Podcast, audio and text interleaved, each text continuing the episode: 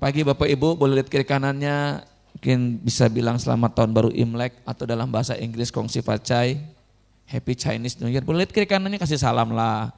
Ya.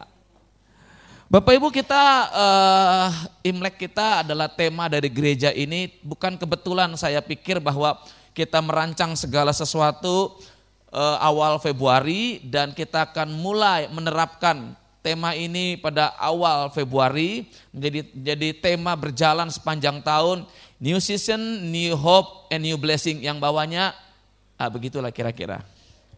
Hanya uh, mertuanya dari ibu aku yang jago, dia ada ada tekanannya kata Shiwang, nah, saya nggak ngerti ya. Jadi kira-kira begitulah uh, tulisannya. Nah, kita akan akan jadikan tema tema tahun ini seperti yang setelah didoakan, digumuli, New season, new hope, and new blessing. Jadi musim yang baru, pengharapan yang baru, dan berkat yang baru. Satu tema yang jarang, bahkan baru kali ini menyinggung soal berkat. Namun saya ingin tegaskan kalau kita bicara soal berkat hari ini, saya tidak akan membahas sesuatu yang sudah menjadi pemahaman umum tentang berkat. Karena itu sudah menjadi pengetahuan yang sudah Bapak Ibu ketahui dari banyak hamba Tuhan, banyak pendeta yang menekankan tentang berkat pada sisi-sisi yang menjadi populer. Dan kita akan membahas berkat dalam arti yang lebih luas, lebih uh, sisi lain yang mungkin selama ini jarang dibahas. Karena dalam tahun ini kita akan berbicara tentang berkat yang lebih luas. Jadi tema ini hanya pengantar dari satu tema sepanjang tahun yang akan kita bahas dan kita gumuli. Nah Bapak Ibu, dalam kejadian pasal 8 ayat 22 dikatakan bahwa selama bumi masih ada takkan berhenti-henti musim menabur dan menuai, dingin dan panas, kemarau dan hujan, siang dan malam. Pengkhotbah pasal 3 ayat 1 berkata untuk segala sesuatu ada masanya. Untuk apa pun di bawah bumi ada waktunya. Allah membuat sebuah kronologi, Allah membuat sebuah perjalanan waktu secara teratur, kronos berjalan secara teratur, namun dalam keteraturan waktu yang ada tersebut, Allah menjadikan beberapa waktu tertentu sebagai kairos bagi kita. Dalam pengkhotbah 3 ayat 11, ia membuat segala sesuatu indah pada waktunya. Jadi dalam kronologi hari-hari dari pagi, siang, sore, malam, itu Tuhan tidak akan membiarkan satu waktu berjalan tanpa maksud Waktu yang berjalan itu bukan sebuah waktu yang tanpa maksud. Tuhan menginginkan agar setiap kita dalam menjalani kehidupan ini cerdas, cermat, dan berhikmat menangkap kairos Tuhan dalam kronologi waktu demi waktu yang kita jalani. Dan di sinilah dibutuhkan pribadi yang mau dekat dengan Tuhan, pribadi yang mau mencari Tuhan, pribadi yang mau mendapatkan hasil maksimal dari waktu kronologi yang ada menjadi waktu kairos Tuhan supaya lewat waktu Tuhan kita mendapatkan sesuatu penggenapan yang menjadi rencana Allah dalam kehidupan kita.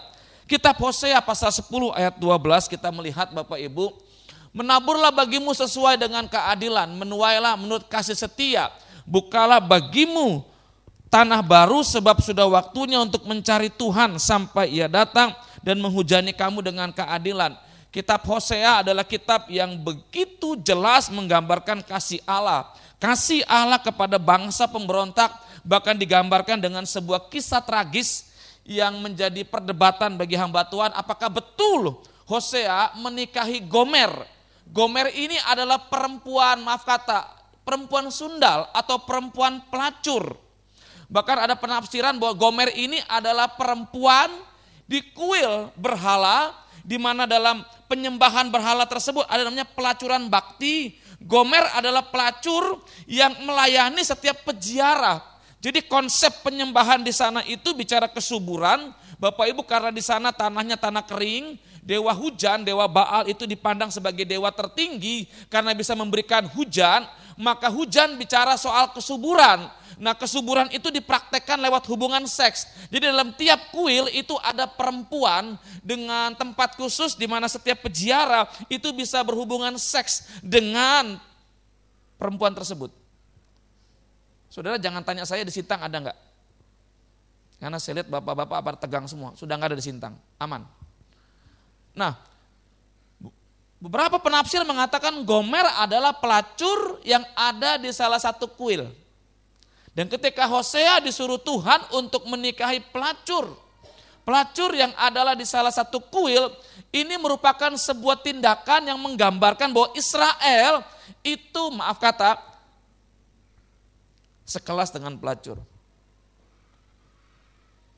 Dan Hosea artinya Yosua, Allah yang mengasihi, Allah yang menyelamatkan, itu merupakan gambaran dari Allah yang tetap mencintai Israel yang sudah najis. Kitab Hosea ini kitab yang jadi perdebatan sepanjang masa karena beberapa orang mengatakan itu hanya simbol. Tapi mengapa sampai ada anak eh, Israel, lo Ruma dan lo, lo Ami yang menggambarkan bagaimana Tuhan tetap mengasihi Israel yang sudah sangat tidak layak untuk dikasihi. Sebab itu Kenapa saya sudah katakan ini dua minggu yang lalu, kenapa ayat ini muncul? Karena dalam ayat 13, Israel itu membajak, menuai sesuatu yang tidak mendatangkan hasil. Sesuatu yang membuat mereka mengalami masa-masa sulit. Karena dosa yang mereka buat, ketidakpercayaan mereka kepada Tuhan, mereka nggak mengandalkan Tuhan, mereka umat Allah tapi hidup mereka jauh dari Tuhan. Mereka mengalami berkat kemakmuran dalam pemerintahan Yerobeam II namun di situ bukan standar, bukan sebuah indikator bagaimana seseorang yang mengalami tanda kutip berkat secara materi identik dengan diberkati Tuhan.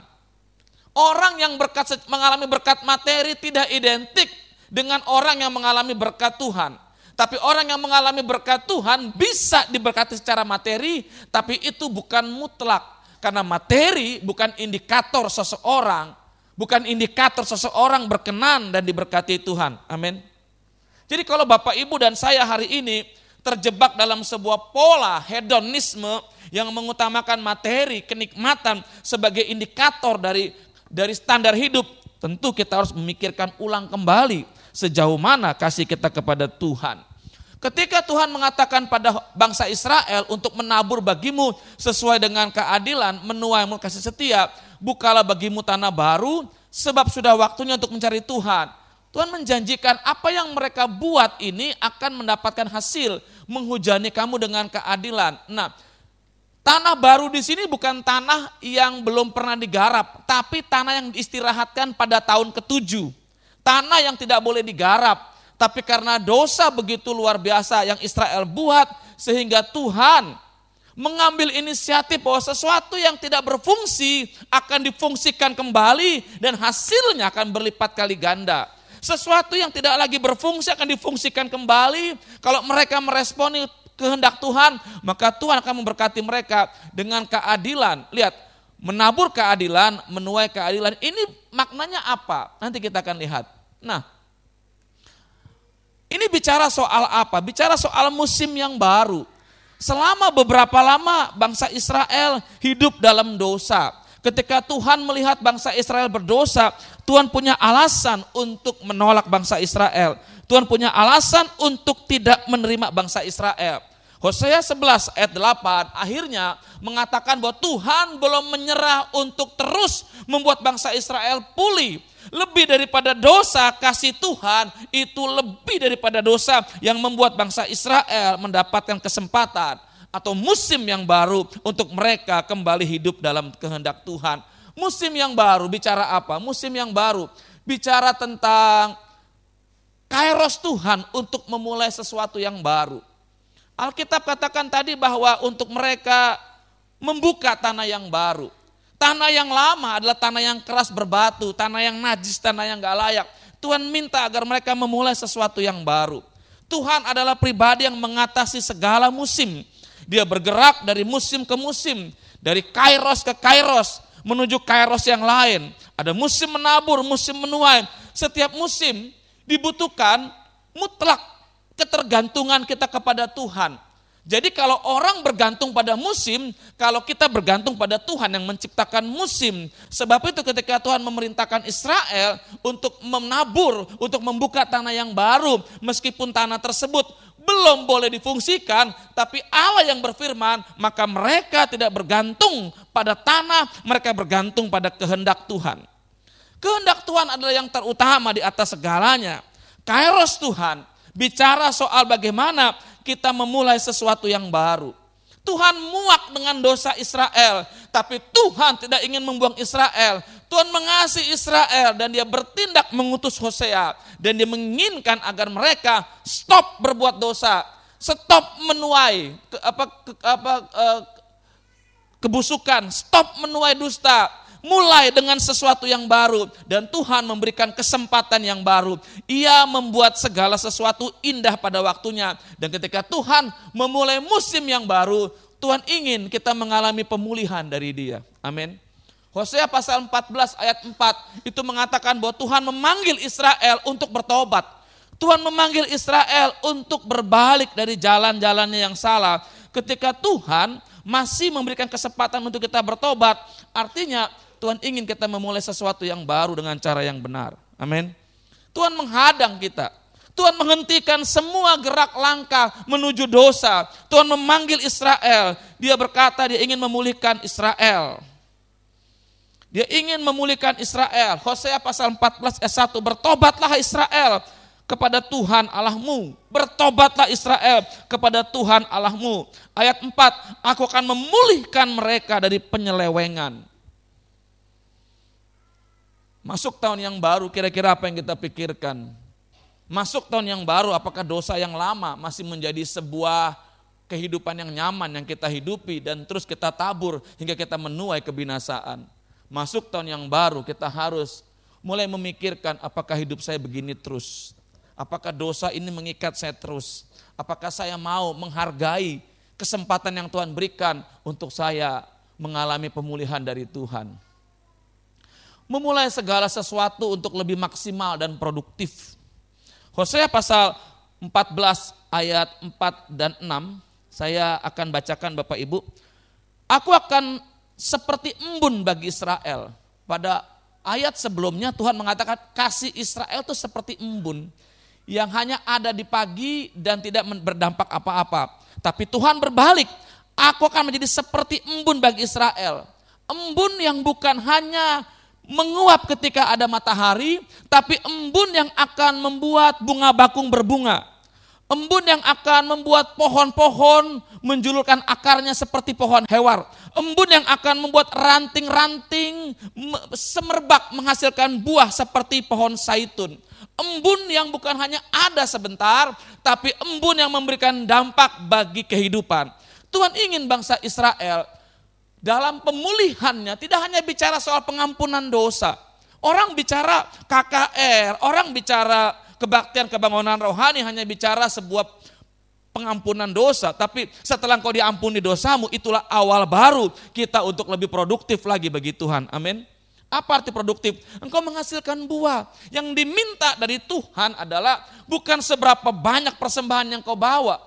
Bukan seberapa terkenal engkau menjadi pengkhotbah dan pelayan Tuhan Bukan seberapa hebat engkau dipandang manusia, tapi buah yang Tuhan harapkan adalah buah-buah roh, buah-buah kehidupan yang merupakan hasil dari kehidupanmu bersama dengan Tuhan. Itu bukan anugerah, itu perjuangan kita dalam Tuhan, menghasilkan buah kasih, sukacita, dan sejahtera yang bukan hanya sekedar sebuah kemunafikan, tapi lahir dari sebuah kehidupan yang alami, nature. Kalau ini kan bukan pohon alami, ini hari Selasa kemarin masih pohon Natal. Berganti jadi pohon mewah. Untung kita cuma ada dua jenis pohon, Natal dengan pohon Imlek. Coba pohon yang lain. Kan bingung kita, pohon apa lagi? Ini ini bukan alami. Bapak Ibu ini tidak alami. Ini hanya sebuah pencitraan, pohon pencitraan yang hari ini ada, uh, tapi besok hilang. Tapi pohon yang alami itu dari proses dari proses penyerbukan, pembuahan, kemudian terjadilah buah yang mulai mengkal, bertumbuh dan menjadi buah yang masak dan dinikmati oleh pemiliknya. Saya mau katakan hari ini Tuhan ingin kita lebih maksimal lagi dan produktif dalam hidup ini. Amin. Jadi jangan cuma jadi orang Kristen, tapi orang Kristen yang berbuah. Bilang sama kiri kananmu, jangan hanya jadi orang Kristen. Tapi Kristen yang berbuah. Amin. Ini ada yang kurang, ini angpaunya nggak ada atau ada tapi hilang? Nanda, ada angpaunya enggak? Oh memang betul enggak ada. Oke. Atau ada tapi hilang? Hilang. Heh, duduk. Duduk. Nanti angpaunya nanti ya. Kemudian, musim yang baru bicara mengalami dimensi yang baru bersama dengan Tuhan. Hosea ingin membawa bangsa Israel tidak lagi menjadi bangsa yang diperbudak oleh dosa. Tapi Hosea ingin bangsa Israel mengerti kehendak Tuhan hingga mereka mengalami sebuah perjalanan demi perjalanan, pengenalan demi pengenalan, pengalaman demi pengalaman yang membuat kita mengalami next level, mengalami dimensi yang baru dengan Tuhan. Hidup kita bukan cuma mengutip kesaksian orang, hidup kita bukan cuma hanya membicarakan pengalaman orang, Saudara harus punya pengalaman dengan Tuhan dan itu yang disaksikan kepada orang lain. Amin. Amin. Jadi jangan cuma mengutip, jangan cuma hanya membahasakan pengalaman orang. You harus punya pengalaman dengan Tuhan. Tuhan kita hebat. Amin. Hebatnya sebagaimana? Tuhan kita dahsyat. Amin. Dahsyatnya segimana? Di awal Februari nanti kita akan atur bahwa beberapa hamba Tuhan akan menjadi piket di sini. Minggu ini mungkin saudari Betty. Jadi kalau kesurupan, ada yang pelepasan, ada yang bakar jimat, ada yang musir setan, itu dia yang bertiket. Mungkin uh, Betty, kemudian Yeriko. Biar mereka praktek, jangan om terus yang maju musir setan. Setan bilang gini, yang lain dong. Terus saya bilang gini, oke okay, maju Jer. Gitu kan. Kayak film Ip Man, muridnya dulu yang maju.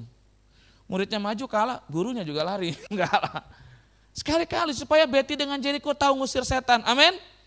Ya kalau Bapak Ibu ada stok setan, kasih ke mereka. Ada yang kesurupan, hubungi gereja. Betty ada yang kesurupan, wow, teriak-teriak, wow, ngamuk-ngamuk, udah beludah-ludah. Mumpung Andi di sini, Andi juga bisa dipanggil. Kalau perlu WL kita tes ngusir setan, amin. Allah kita dahsyat, amin. Amin. Menang atas setan, amin. Berani ngusir setan, amin. Yang bilang amin kita akan lihat di tahun ini. Saya percaya tahun ini di Jemaat Rehobot akan jadi orang-orang yang mengalami Tuhan lebih dahsyat. Kita rindu Bapak Ibu semua punya pengalaman dengan Tuhan. Amin. Jadi jangan cuma pengalaman orang lain. Selanjutnya, hidup dalam new season, hidup dalam musim yang baru. Kita harus membereskan masa lalu agar tidak menjadi jerat serta penghalang.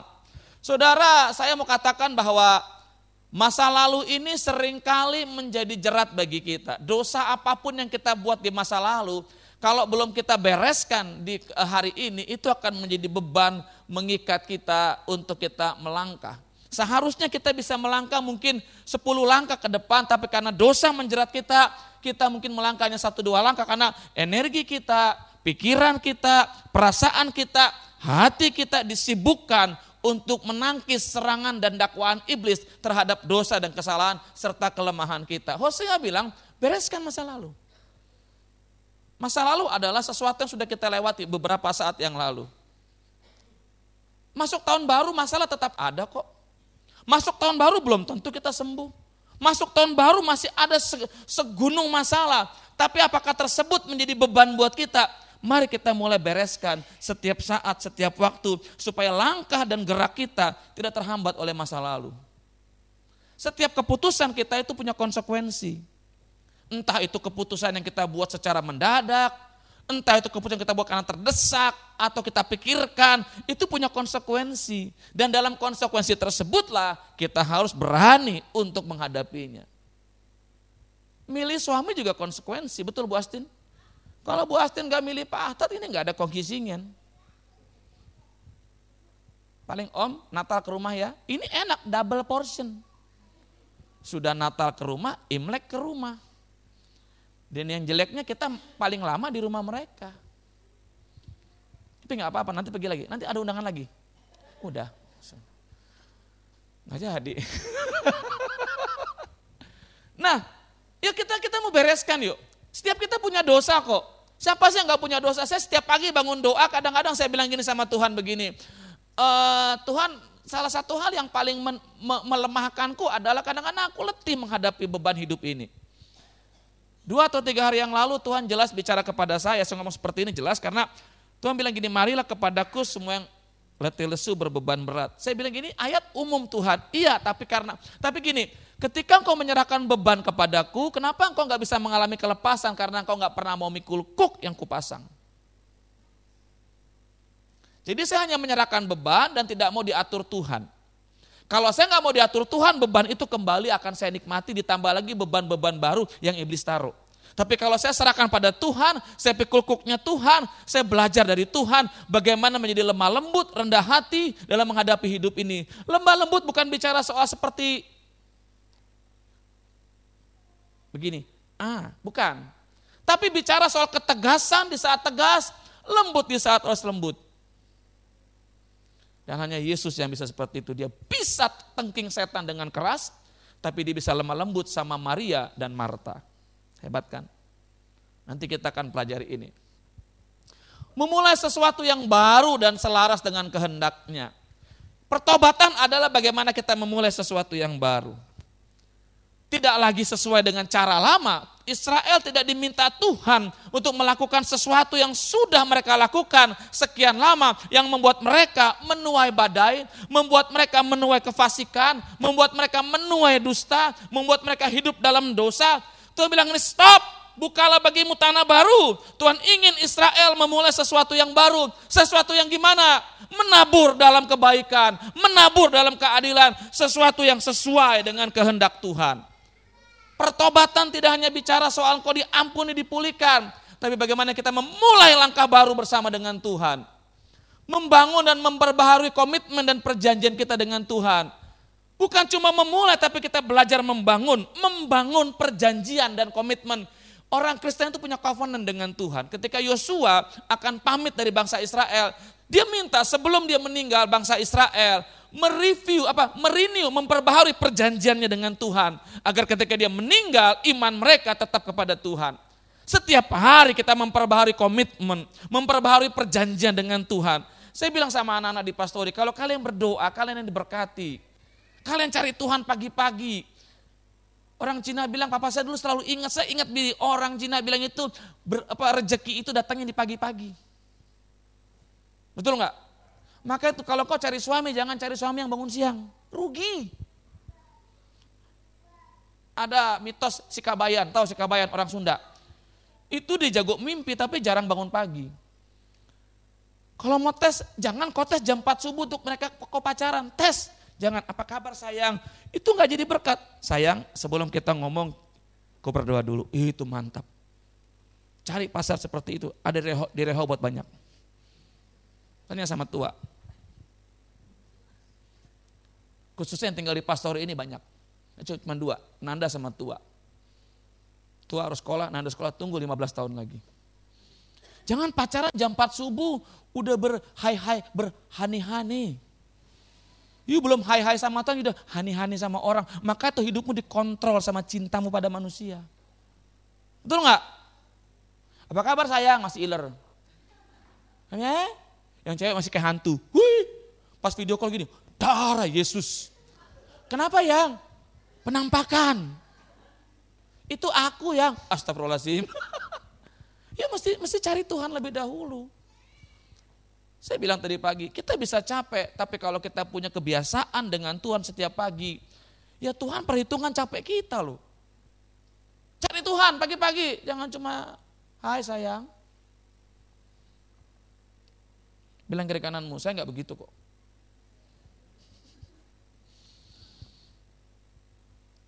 Saya punya moto di sini, kalau mereka bangun lebih siang dari saya, walaupun jam 5 mereka bilang pagi om, siang. Jadi beberapa hari ini mereka bangun pagi, tua jam 4 sudah ngepel. Ternyata dia nggak tidur memang. Ayo kita bangun komitmen ya, sesuatu yang positif kenapa kita nggak mulai sih?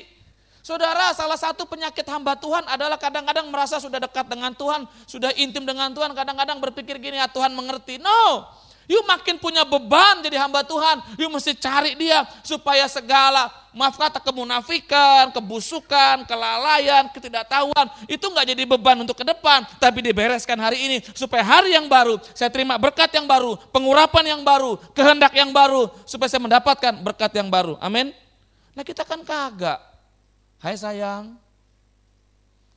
Ini Bapak Ibu jangan kaget kalau paspor wifi di tempat ini setiap minggu akan diperbaharui. Oke Nanda? Namanya aneh-aneh.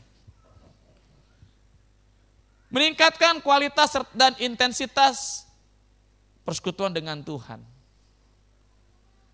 Ayo hidup dalam new season ini di tahun baru ini. Ini jangan cuma saudara hanya berpikir tahun baru. Orang bikin ajib-ajib. terbang-beng beng, terbang-beng beng, terbang-beng beng beng beng. Pesta sampai mabok, bakar ayam, bakar babi. Maka itu ayam sama babi sampai mengungsi kan. SMS-SMS-nya. Kau masih hidup kah? Masih bang. Hati-hati Tuhan kau sudah ngomong sama Tuanku tuh. Nanti malam kita mati sama-sama. Wah, bukan cuma itu.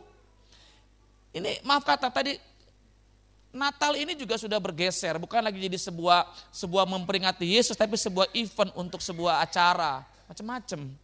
Imlek juga kadang-kadang cuma sekedar hanya hanya cari ininya aja, bukan maknanya. Imlek kan bicara bagaimana petani di Tiongkok dalam empat musim, setelah melewati musim dingin, mereka menyambut musim semi untuk mereka mulai bertani. Dalam pertanian yang baru itu mereka berharap pada ada hasil yang baru. Maka orang bilang gini, om boleh bikin rayakan Imlek gak? Imlek itu kan tahun baru. Boleh pakai merah-merah gini enggak? Zaman dahulu sebelum ada PLN orang Tionghoa pakai ini. Kalau Indonesia pakai lampu bukan strong yang betul. Lampu tempel yang kayak di kampung itu. Jadi kalau begini ini dosa, ada setannya, ini ada setannya. Betapa banyaknya setan di gereja ini. Kita kita nih sibuk sesuatu yang kadang-kadang hanya ribut dosa atau enggak. Kita enggak enggak memikirkan bahwa hidup kita ini harus jadi cermin, bukan hanya menghakimi orang. Om boleh rayakan Imlek kak? Boleh, sepanjang tidak menyentuh unsur-unsur yang berkaitan dengan penyembahan berhala. Betul? Silakan rayakan Imlek. Anak-anak senang itu sampai bisnis penyewaan anak laku. Sampai Ibu Evi memblokir anak-anaknya yang mau dibawa anak pastori. Itu Gilbert Givio tuh diamankan semalam. Kenapa? Sudah ada. Akhirnya Olin, no itu milik gembala. ya, silakan rayakan, cuman jangan yang aneh-aneh. Sembayang kubur boleh nggak om? Secara firman Tuhan tidak boleh, tapi kalau engkau belum siap, itu urusanmu dengan Tuhan. Tugas saya memberitakan boleh atau tidak. Alkitab bilang tidak, saya bilang tidak. Alkitab bilang uh, boleh, boleh. Alkitab diam, saya nggak berani berkeras-keras berbacot ria. Nanti rokok boleh nggak om? Ah sudah tahu kok jawabannya. Ciuman boleh nggak om? Ah sudah tahu kok jawabannya. Persepuluhan gimana om? Sudah kukotbahkan minggu kemarin. Pengharapan yang baru, new hope. Musim baru disertai pengharapan baru karena kita percaya bahwa apa yang difirmankannya itu yang dikerjakannya dan apa yang dijanjikannya itu yang ditepatinya. Amin. Ini yang ini cara kerja Allah. Apa yang dia firmankannya itu yang dikerjakannya. Apa yang dijanjikannya itu yang ditepatinya. Allah fokus dengan apa yang menjadi kehendaknya. Allah fokus terhadap apa yang paling penting dalam hidup kita menurut apa yang menjadi pertimbangannya. Oleh sebab itu ketika kita bicara musim yang baru, pengharapan yang baru, maka kita mesti mengerti Bapak Ibu bahwa pengharapan yang kita miliki harus didasari pada Tuhan dan bukan pada hasil atau musim itu sendiri. Amin. Amin. Hosea itu bicara tentang musim yang di luar kebiasaan. Tuhan suruh membuka tanah yang baru bukan tanah dalam arti buka hutan, tapi tanah yang diistirahatkan. Tapi karena Allah melihat urgensinya Israel untuk bertobat, maka sesuatu yang tidak produktif bisa diproduktifkan kembali karena Allah yang memiliki otoritas untuk membuat itu berhasil. Yang bikin pertumbuhan itu bukan manusia tapi Tuhan. Sebab itu ketergantungan kita bukan pada musimnya tapi pada Tuhan itu sendiri. Bukan pada hasilnya tapi pada Tuhan itu sendiri. Ini orientasi kita memberi itu nanti bukan lagi pada aku diberkati atau tidak, tapi aku memberi karena aku mengasihi Tuhan. Orientasi hidup kita bukan pada hasil, tapi pada Tuhan. Tuhan gak akan mungkin membuat kita yang sudah bekerja keras, berjeri lelah, menabur, tidak mendapatkan hasil. Amin. Amin. Jangan berorientasi pada sesuatu yang memang sudah pasti kita terima sama dengan agama lain. Tapi kita berorientasi pada pribadi yang melebihi kepercayaan yang lain. Yaitu Tuhan yang datang sebagai manusia yang membuat kita dapat diselamatkan. Pengharapan baru kita didasari bahwa Tuhan tidak pernah menyerah terhadap kita agar firman-Nya tergenapi dalam kita. Oleh sebab itu umatnya jangan pernah menyerah untuk terus melaksanakan kehendaknya. Pergumulan paling berat di dunia ini apa Bapak Ibu? Bukan pergumulan menghadapi masalah. Pergumulan agar kita tetap bisa berada dalam kehendaknya. Masalah itu punya dua sisi. Kalau kita menyikapi dengan benar, maka masalah tersebut adalah cara Tuhan untuk kita mendekatkan diri pada Dia. Amin. Tapi kalau kita memahami dengan yang salah, maka masalah tersebut akan menjauhkan kita dari Tuhan. Hanya orang-orang yang mau dekat dengan Tuhan yang bisa menjadikan masalah sebagai tangga untuk dekat dengan Tuhan. Jadi kita mesti mengerti bahwa Tuhan nggak pernah menyerah. Saya suka dengan kalimat ini, Tuhan tidak pernah menyerah dengan kita. Dia nggak pernah menyerah, kata seorang hamba Tuhan, saya lupa namanya tuh, dia bilang Tuhan itu seperti anjing pemburu yang mengejar kita dan dia nggak akan pernah berhenti sebelum menangkap kita. Luar biasa Tuhan itu. Dia nggak pernah bosan mengejar saya yang berdosa agar saya berbalik. Dia nggak pernah bosan mengetuk pintu hatimu saat engkau berbuat dosa agar engkau mendengar dia dan berkata jangan. Dia terus mengejar kita. Dia nggak peduli seberapa jauh kita berlari. Dia nggak peduli seberapa tersembunyi kita dalam kegelapan. Dia bisa menjumpai kita. Mazmur 139. Dia bisa menemui kita di ujung bumi. Dalam kegelapan malam. Di ujung fajar. Dia bisa menjumpai kita. Bukan karena dia punya kepentingan dengan kita supaya kita berhasil. Tidak, karena dia mengasihi kita. Dan yang pertama dia nggak ingin kita binasa. Kita ciptaannya, kita dikasihi dia, kita disayang dia, kita segambar serupa dengan dia. Kita nggak Allah nggak ingin kita binasa. Masalah berhasil sebagai anak Allah, apa yang menjadi janji Allah, kalau kita taat, kita mengasihi dia, itu menjadi bagian kita. Amin. Jangan dikejar-kejar itu. Kita nih kadang-kadang kejar hasilnya. Ulangan 28 itu udah jelas. Nggak usah dikotak-katik lagi. Dalam Yesus itu semua dibayar harganya lunas. Tinggal kita taati. Dan keberhasilan dalam Tuhan bukan bicara soal berkat materi. Tapi bagaimana hidup kita dapat menyenangkan Tuhan. Orang yang menyenangkan Tuhan nanti di ujung khotbah saya akan sebutkan.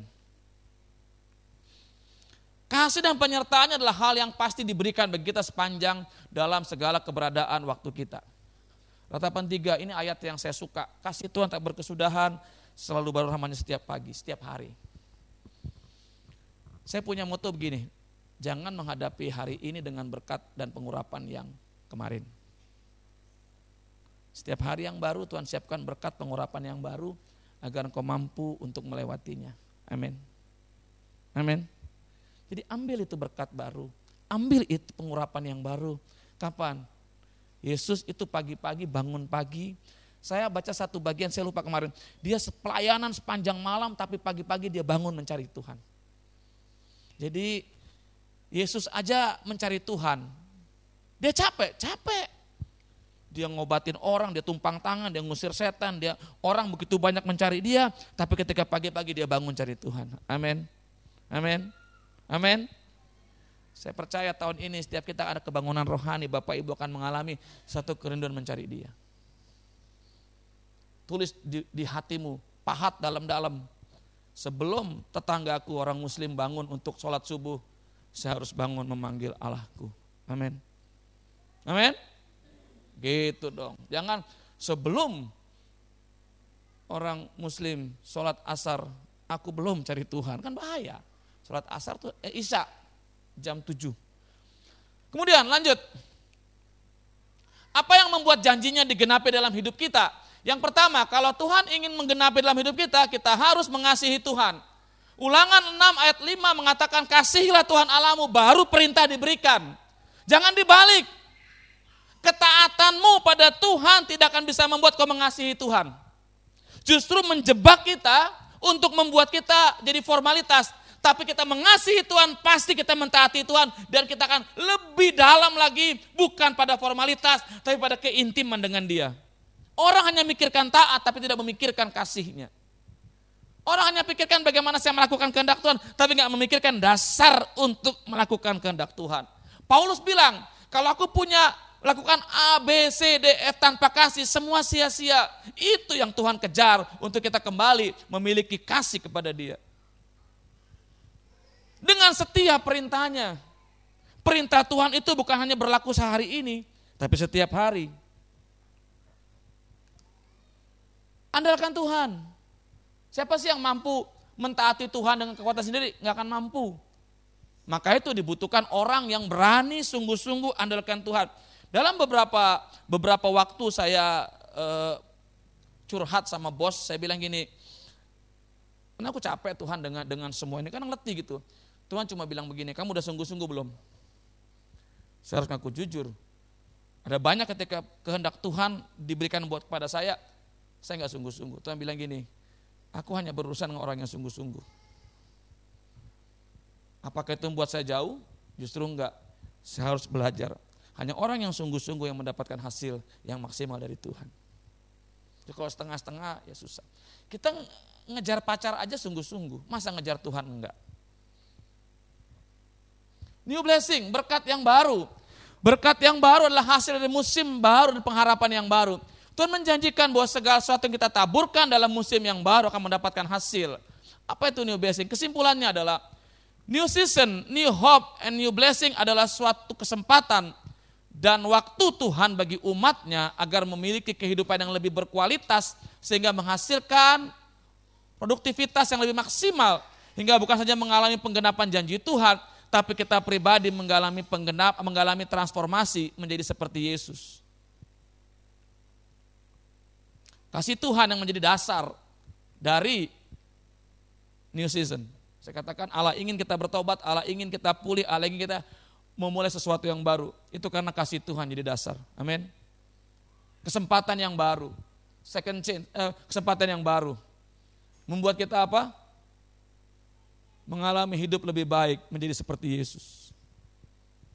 Lihat dasarnya ini. Maka dari itu tindakan kita harus dasarnya ini juga. Supaya hasilnya ini. Kalau dasarnya salah, hasilnya juga lain. Kalau dasarnya bukan kasih kepada Tuhan, hasilnya pasti juga beda. Apa yang kita tabur dalam roh, kita tuai dalam roh. Tabur dalam kedagingan, kita tuai kedagingan. Keakrapan hidup yang lebih baik atau adalah ketika kita memiliki keakraban dengan Tuhan. Saat kita berjalan dalam firman Tuhan, kita akan menghasilkan sebuah kehidupan yang penuh dengan buah. Lebat. Ini buah bisa seperti ini, di, di, dimanipulasi. Tapi orang yang punya ini, buahnya ini akan bertahan tetap dalam segala musim. Baru orang yang menghasilkan buah-buah seperti ini, kasih, sukacita, damai sejahtera, kelemah lembutan, eh, apa, mengampuni dan macam-macam, ini baru bisa menjadi berkat bagi orang lain. Karena ini yang dinikmati. Standarnya itu bukan uang, bukan materi, walaupun dunia bisa, tapi itu bukan standarnya, standarnya tuh ini.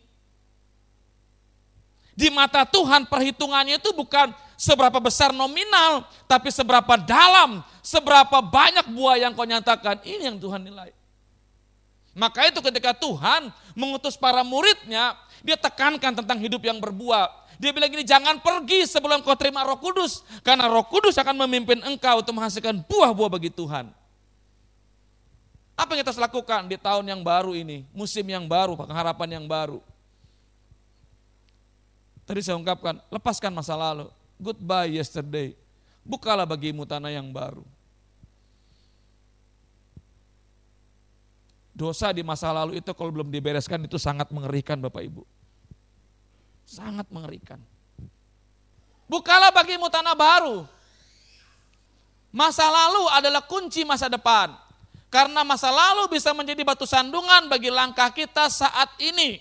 Jika hal-hal negatif di masa lalu tidak kita tuntaskan, banyak dari antara kita tidak berani menghadapi masa lalu kita atau menghadapi sisi kelam dalam pribadi kita dan kita nggak pernah mau bereskan. Banyak, banyak.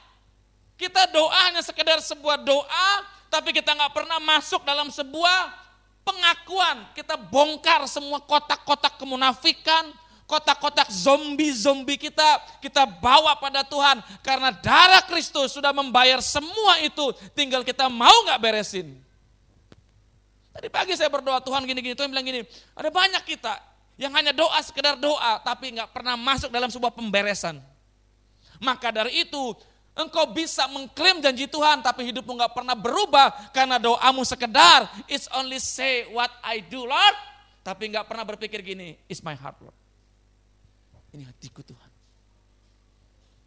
Maka itu jam doa kita bisa lebih lama satu dua jam. Kalau kita beresin dosa kita, mata bengkak, tisu habis. Kenapa? Huh, huh. Saya beberapa malam lalu saya bangun dan saya nyanyi lagu Bawaku ke gunung kudusmu di tempat kediamanmu. Biar kemuliaan melingkupi hidupku dan jiwaku kan ditenangkan. Lagu Pak Era siapa? Boleh naik ke gunung Tuhan. Saya baca ayatnya, hanya orang-orang yang bersih hatinya. Kita belum naik gunung Tuhan, kita baru sampai ujung terminal dari base camp gunungnya Tuhan. Maka itu hidup kita nggak pernah berubah. Ke gereja, semua ke gereja, tapi tidak semua orang mengalami pembaharuan seperti Kristus. Betul? Semua ke gereja, semua rajin, kasih persepuluhan, kasih ini. Tapi hidupmu gak pernah berubah. Karena yang kau lakukan hanya kewajiban agamawi tanpa pernah mengalami perjumpaan face to face dengan Tuhan. Terlalu, maaf kata terlalu naif kalau kita berpikir doa hanya sekedar pelaporan masalah. Doa adalah sebuah perjumpaan iadab di mana Tuhan mengorek semua cacing di hati kita. Semua virus kemunafikan, virus dosa, biarkan dia bereskan. Sakit, sakit. Sakit Bapak Ibu, tapi di situlah kesembuhan terjadi. Amin. Istriku waktu engkau di melahirkan Olin sakit nggak? Setelah selesai biusnya. Saya tidak tahu masalah itu Ricky. Yang saya tahu Reren pagi-pagi sudah ada di situ. Begeri, aduh, aduh, aduh, aduh, aduh, sakit pi. Tapi kan Olin keluar, beres. Tuh. Siapa yang pernah susupan? Apa susupan di sini saat? Yang kayu masuk ke sini. Kita nggak mau keluarin, tapi ketika udah bernanah, hmm, congkelnya nangis-nangisan loh. Saya korek pakai gunting kuku, tahan, ikat, sok kuat, aduh. Rendam air panas, mau kali tarik lagi, itu setengah mati sampai dikorek-korek. Waktu lagi nancep, gampang, belum sakit. Dosa itu kalau udah bernanah, udah macem-macem, hmm, udah. Ibrani pasal 12.1. Kita baca sama-sama, itu dua tiga. Marilah.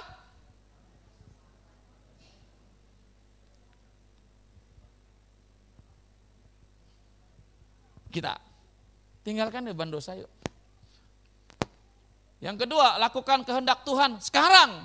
Menaburlah bagimu sesuai dengan keadilan.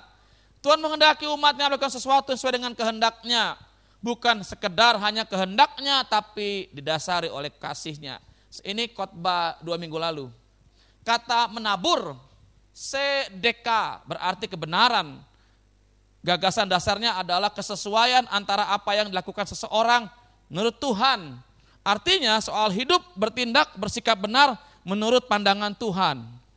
Maka itu sedekah ini bukan hanya bicara keadilan menurut kita, tapi menurut Tuhan. Dalam PL kebenaran tidak diukur dari suatu hukum atau ideologi, tapi dilihat dari hubungan yang hidup antara Allah dan manusia. Maka dari itu Allah bilang gini, menabur. Secara hukum Taurat mungkin itu tidak layak karena melanggar. Tapi Tuhan atas di atas hukum Taurat. Karena ini sangat urgent. Ayo mulai. Apa kehendak Tuhan yang jadi tanggung jawab setiap orang percaya? The Great Commission. Pergilah jadikanlah semua bangsa muridku. Ini khotbah yang jarang dikhotbahkan tapi kita tahun ini kita mau lakukan sesuatu yang menjadi panggilan bagi saya dan saudara. Amin. Amin. Bilang kiri kananmu harus lakukan. Jangan cari jemaat gereja lain. Kalau ada jemaat setia sama gerejanya, Gak usah jelek-jelekin, gak usah gosipin gembalanya, dukung dia. Bantu dengan tulus, jangan imbalan kau jerat dia. Tapi kalau ada jemaat gereja lain yang sudah sekian lama, satu tahun, dua tahun gak pernah ibadah, tanya, bimbing dia. Kalau mau balik ke gerejanya, sudah. Kalau enggak, tanya mau ke gereja mana. Dan jangan Bapak Ibu jual gereja kita dengan segala macam selain engkau bawa dia ke Tuhan. Amin. Gerejaku tuh joknya enak loh, ada AC. Wih enak loh, tersembunyi tempatnya tersembunyi. Di pintunya kadang ada bau-bau busuk gitu. Apa? Pemandangannya luas. Jangan. Oh di gerejaku tuh AC-nya enak, uh adem. Jangan. Bilang saja, aku bisa seperti ini karena aku berjumpa Tuhan. Gerejaku punya kekurangan, punya kelemahan. Tapi kalau kau mau sama-sama denganku ke gereja, yuk kita cari Tuhan di gereja. Amin. Amin. Di gerejaku cakap-cakap ceweknya, uh, encang. Uh. Ibu-ibunya mantap-mantap. Nenek-neneknya keren-keren. Lu mau promosiin siapa? Cowok-cowoknya kurang stok. Jangan, saya nggak mau seperti itu. Kau jemput lagi, jemaat gereja yang kau jemput, jangan. Saya nggak mau bermegah atas atas tangisan gembala-gembala lain. Itu dosa. Cari banyak orang-orang yang belum bertobat itu cari itu. Kiri kanan depan belakang tuh cari itu. Mencari Tuhan, bertekun mencari Tuhan Bapak Ibu. Tetapi jika aku harus hidup di dunia ini, itu berarti bagiku bekerja dan memberi buah. Bekerja dalam panggilan serta karunia dan talenta Tuhan berikan. Yuk kita lakukan ini yuk di hari-hari ini. Lakukan kehendak Tuhan, tekun cari Tuhan. Bekerja dalam panggilan, karunia, talenta yang Tuhan berikan. Selanjutnya apa? Kita mulai untuk mencari Tuhan. Alkitab katakan tadi Hosea 10, ini saatnya mencari Tuhan. Supaya apa? Kalau engkau sudah mencari Tuhan, kau tingkatkan, naikkan, naikkan, jangan berhenti, naikkan. Tiga hal, kualitasmu dengan Tuhan, intensitasmu dengan Tuhan, keintimanmu dengan Tuhan. Kalau kau sudah sampai di sini, jangan berhenti. Jangan puas hanya dengan jam doa yang sekedar formalitas, tapi tingkatkan kualitasnya, intensitasnya, keintimannya. Ini ini pilihan.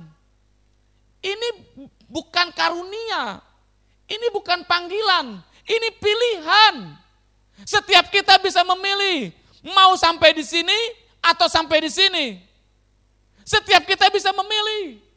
Ini bukan dipaksa Tuhan, yuk punya kerelaan. Mau nggak tingkatkan kualitasnya, bukan cuma doa melapor, hanya ngoceh dengan segala pergumulanmu, tapi mulai belajar Tuhan ini manusia lamaku yang masih tersisa, ku bereskan, ku bereskan. Sakit, iya, Enggak ada yang namanya pemberesan dosa itu ketawa-ketawa. Kita menyesali dosa kita, kita seperti dicabut sesuatu yang sudah berakar di sini. Besokannya jatuh lagi, bangkit lagi, jatuh lagi, bangkit lagi. Terus sampai kita bisa menjadi mandiri dan melawan dosa tersebut. Amin. Harus berani, kita harus berani. Intensitasnya ayo jam doanya jangan cuma ibadah atau doa makan.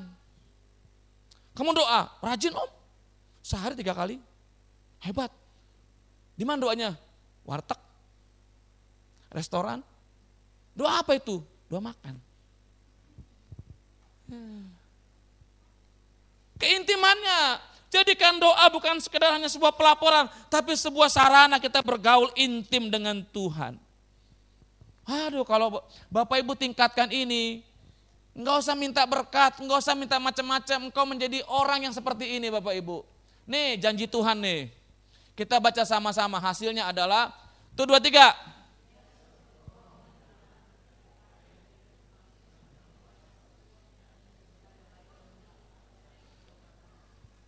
Kurang apa? Halo? Kurang apa? Halo? Ia seperti pohon yang menghasilkan buah pada musimnya. Amin. Amin. Dan apa saja yang diperbuatnya berhasil. Amin. Tahun ini kita jadikan berkat baru yang akan kita terima adalah semua firman Tuhan yang Tuhan berikan buat kita, kita lakukan. Kita akan menggenapi ini Bapak Ibu. Bilang kira kananmu, kita akan menggenapi ini. Amin apa saja yang diperbuatnya berhasil. Karena apa? Karena orang seperti ini adalah orang yang merenungkan firman Tuhan. Jadi tindakannya, perbuatannya pasti firman Tuhan. Saya percaya tahun ini kita akan mengalami hal-hal yang baru, yang dahsyat bersama dengan Tuhan.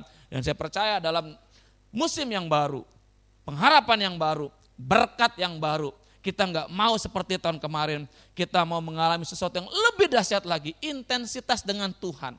Keintiman dengan Tuhan. Kualitas dengan Tuhan. Harus lebih dibandingkan tahun kemarin. Karena berkat yang Tuhan janjikan juga beda. Lebih bertahun kemarin. Dan berkat terbesar adalah kita akan menjadi pribadi seperti ini. Pribadi yang unlimited. Yang unstoppable. Pribadi yang tidak bergantung pada hal-hal lain. Tapi bergantung penuh pada Tuhan. Kita bangkit berdiri bersama-sama.